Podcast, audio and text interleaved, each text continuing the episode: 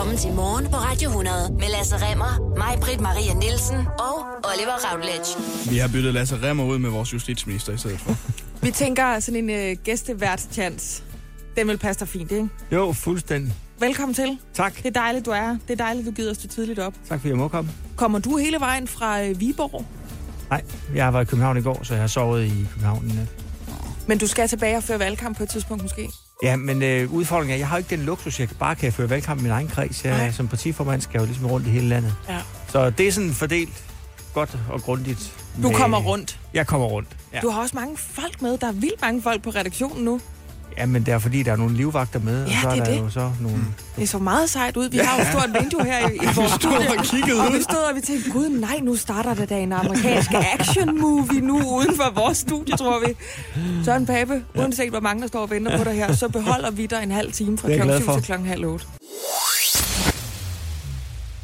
Shakira og Wyclef Jean med Hips Don't Lie her. Syv minutter over syv, og med besøg af justitsminister Søren Pape Poulsen. Ja, og Søren Pape, hvis du stopper med at danse til Hips Don't Lie og sætter dig ned på studiestolen, Ja, tak. så svarer du mig på, at altså, i løbet af de tre år, hvor du har været minister, mm-hmm. du overtog jo efter Søren Pind, mm-hmm. der har du indført hårdere straffe, du har genindført politihesten spil med, du har sørget for ringere forhold for de indsatte i danske fængsler. Vil du gerne være justitsminister igen, hvis Blå Blok fortsat har regeringsmagten efter den 5. juni? Ja, det vil jeg rigtig gerne. Det var jeg sgu et kort og ja, kontant svar. jeg synes stadigvæk, der er noget at gøre. Hvad er det, der er at gøre? Jamen, der er det at gøre, at vi skal lave en aftale her til efteråret om, øh, hvordan vores politi skal se ud de næste fire år. Nu, vi har jo sådan fireårige aftaler for det. Ja. Og jeg mener, der skal laves en aftale om, at der skal uddannes øh, noget mere politi. Øh, det er der blevet de sidste fire år. Altså, politistyrken er netto, når vi går ud af 19, hævet med 600 mand. Mm. Der er også meget at bruge dem til. Øh, og jeg synes, vi skal uddanne 600 flere. Det er vi simpelthen, vi har simpelthen brug for noget mere politi. Hvis nu man var øh, rigtig strid, så kunne man sige, var det ikke bedre at tage fat om Nellens rod, og så sørge for, at vi ikke med sådan en hast havde brug for 600 flere betjente i Danmark? Jo, men altså, verden udvikler sig, og det gør de kriminelle også. Altså, jeg mener bare om, hvis vi skal jo ikke mange år tilbage, hvor det at tænke på terrortruslen mod Danmark og den slags ting, der har vi sagt, at det er da slet ikke aktuelt. Mm. Altså, der, der fik vi jo virkelig taget vores uskyld her i Danmark i 2015.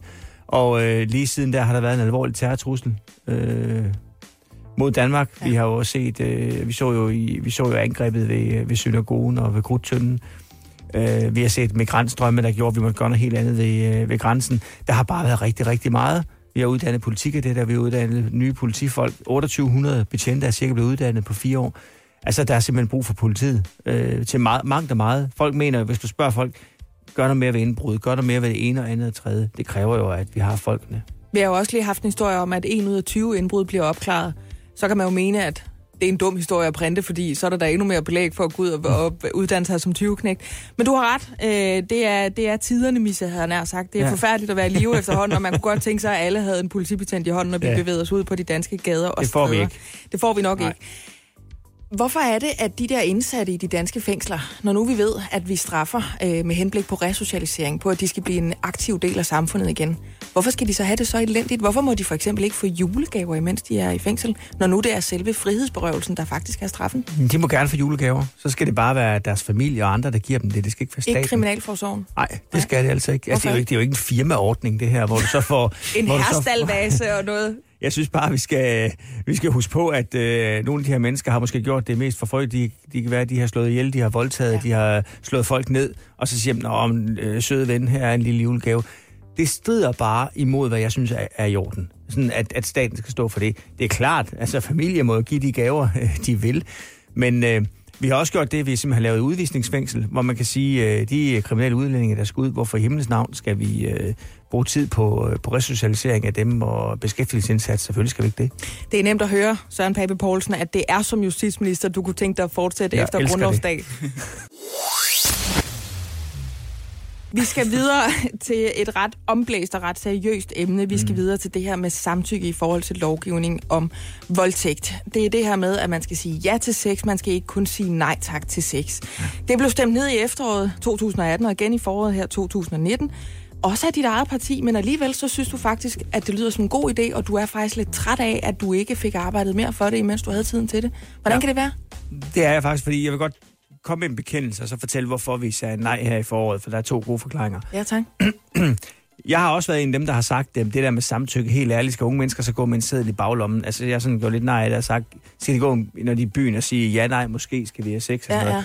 Og, og det, har været, det er jo meget fortegnet, for det er slet ikke det, det går ud på. Så satte vi så et arbejde i gang på at kigge på, hvad gør man i andre lande. Altså, Storbritannien har noget, Sverige har noget. Øh, og det har så været et arbejde nu.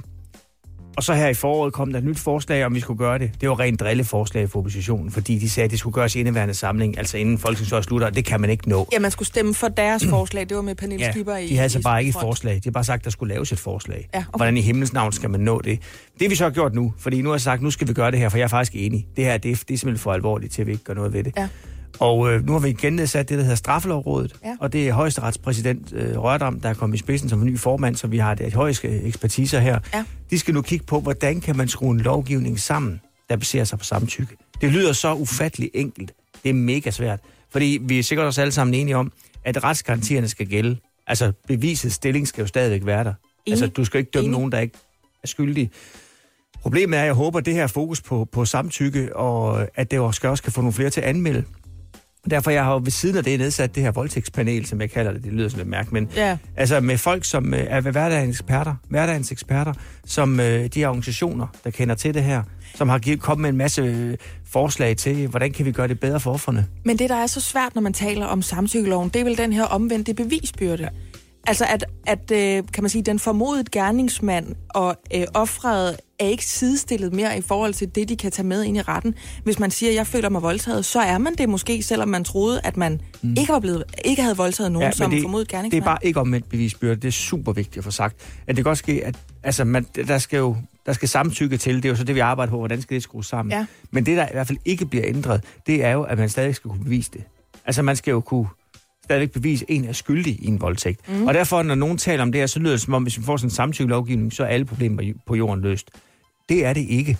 Men jeg tror, vi kommer et skridt tættere på og kan beskytte de mennesker, øh, som har været udsat for en voldtægt, som måske holder sig tilbage, ikke anmelder det. Ikke, der er nogen, der jo tror, at en voldtægt, det skal være sådan en måde med fysisk tvang. På en mørk sti eller Ja, sådan noget. præcis. Ja. Ja. Og det synes jeg er et problem, og Så der skal dem, vi have det folk siger- til at melde det. Så dem, der siger, at det, fordi der er jo kritikere af det her med samtykkelovgivning, der er jo nogle røster, der siger, at det er omvendt bevisbyrde. Jamen, det er det fordi, simpelthen ikke. Fordi lige pludselig så, øh, så kan det bare være, at du siger, jeg har voldtaget dig, og så har jeg det, hvis du føler det. Nej, sådan er det ikke.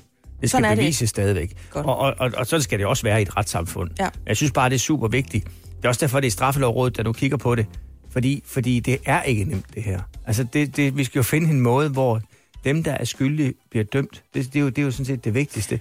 Og at man kan anmelde det på en god og en ordentlig måde, og få, få politiet også til at have en lidt en anden tilgang til det. Du er ked af, at du ikke har fået gjort noget ved det, imens tid var. Er det noget, du vil tage fat i, hvis du får lov til at fortsætte som justitsminister? Ja, det er det. Nu har vi sat det i gang.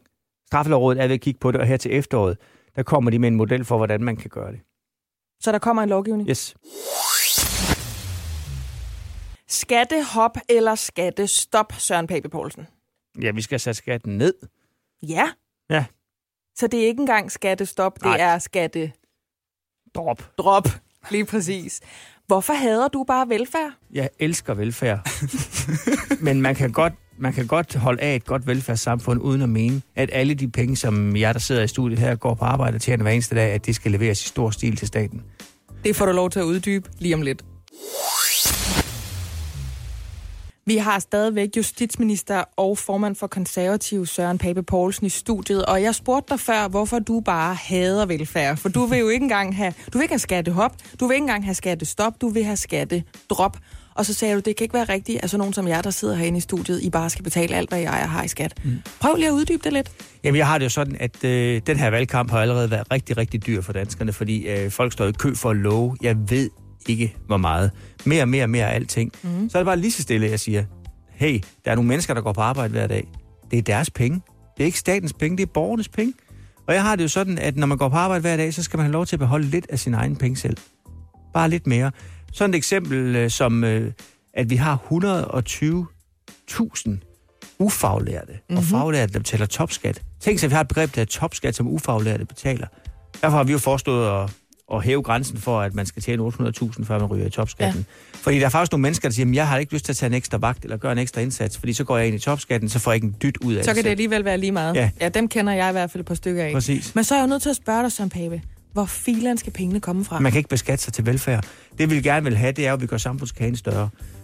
Man kunne gå ind og starte med at sige, al god, øh, al god velfærdspolitik, det starter med en god erhvervspolitik, der skaber noget mere velstand til Danmark, der gør, at vi har råd til velfærd. Fordi du kan ikke have velfærd uden velstand. Og det handler simpelthen om, at jo flere penge vores virksomheder kan tjene, jo flere arbejdspladser de kan skabe, ja, så ansætter de nogle mennesker. De mennesker, de ansætter, de betaler skat. Det her med at bare gøre det træls at være virksomhed og beskatte folk, ja, det gør jo til sidst, at virksomhederne flytter, og der er folk, der står uden arbejde. Og det, er derfor skal vi simpelthen have lavet den her velfærdskage større ved at gøre no- lave nogle gode forhold for vores virksomheder.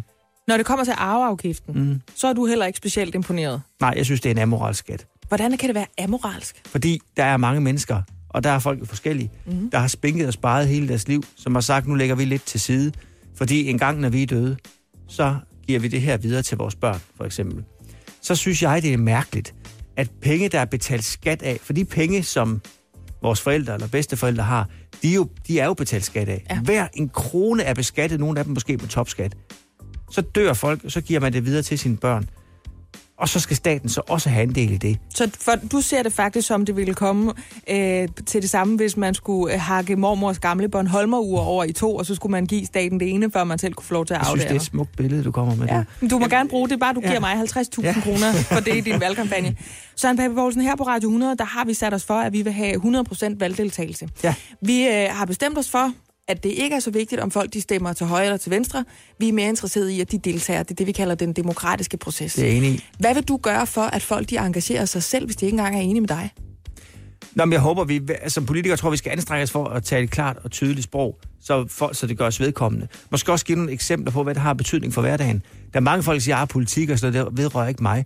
Der findes ikke noget, vi gør i vores hverdag, som ikke næsten et eller andet sted har noget med politik at gøre. Ja. Og jeg synes, det mindst, man kan gøre, hvis man synes, 13 partier de er fuldstændig blæst, så kan man da gå ned og stemme blank. Jamen altså, det, det, altså jeg forstår simpelthen ikke, man ikke deltager. Jeg synes, det er Men er det ikke som at stikke hovedet ind på en restaurant og skrige, jeg, jeg er skide sulten, jeg kan bare ikke lide jeres menukort? Jo, jo, det synes jeg også. Jeg synes også, man skal sætte sig ind i det og finde et af de der partier. Bare lige bruge øh, en halv time på at finde ud af, hvad står partierne Tag nogle af de test der ja, måske. Så nogle ting, læs på partiernes hjemmesider, gør et eller andet. Jeg synes, man skal gå ned og stemme, fordi man skal bare lige huske, politik er ikke noget, vi leger. Så det er jo det her. Jeg har øh, en ting, jeg godt kunne tænke mig, at du skulle gøre for mig. Ja. Og så vil jeg til gengæld love dig, at så stemmer jeg i hvert fald på dig. Ja. Jeg kunne godt tænke mig, at vi indførte dødsstraf for at køre hasarderet på cykel i København. Det er med fristen at sige fordi, fordi jeg er ny bilist, og ja. hold nu kæft, hvor jeg ved at oparbejde en grundangst. Altså, de der cyklister, ja. der er jo, altså, de kører som om, de er udødelige. Og så råber de af folk. De, de klapper på taget, når man lukker af. af og råber vil, og skriger. Ja. Vil det være noget eventuelt, man kan... Altså, det skal ikke kun være valgflæsk, du skal gennemføre det, hvis du får lov til at fortsætte Altså, vil du have dem ud på Ammerfællet igen, eller hvad? Det vil jeg, og ja. ud på julestejle. Okay. Kan, kan du sige ja til det? Åh, jeg er helt godt med at sige, for man skal ikke lov mere, end man kan holde, og jeg har det bare nok lidt sådan med dødsstraf, at jeg... Så skridtpryl med en våd bærlinger? Der begynder vi at snakke. Der begynder vi at snakke, men man må ikke slå ihjel, så dødsstraf, det går jeg ikke ind for. Men jeg er klart, at våde søndagsbærlinger, der, de kan svinge noget. Altså, der, jeg, er, jeg er klar på mange ting. Vi to, vi kan altid blive enige. Det kan vi. Søren Pape Poulsen, justitsminister, formand for konservativ. Rigtig god valgkamp, og tak, tak fordi du var med her. Det var en fornøjelse. Morgen på Radio 100 med mig, Britt Maria Nielsen, Lasse Remmer og Oliver Routledge.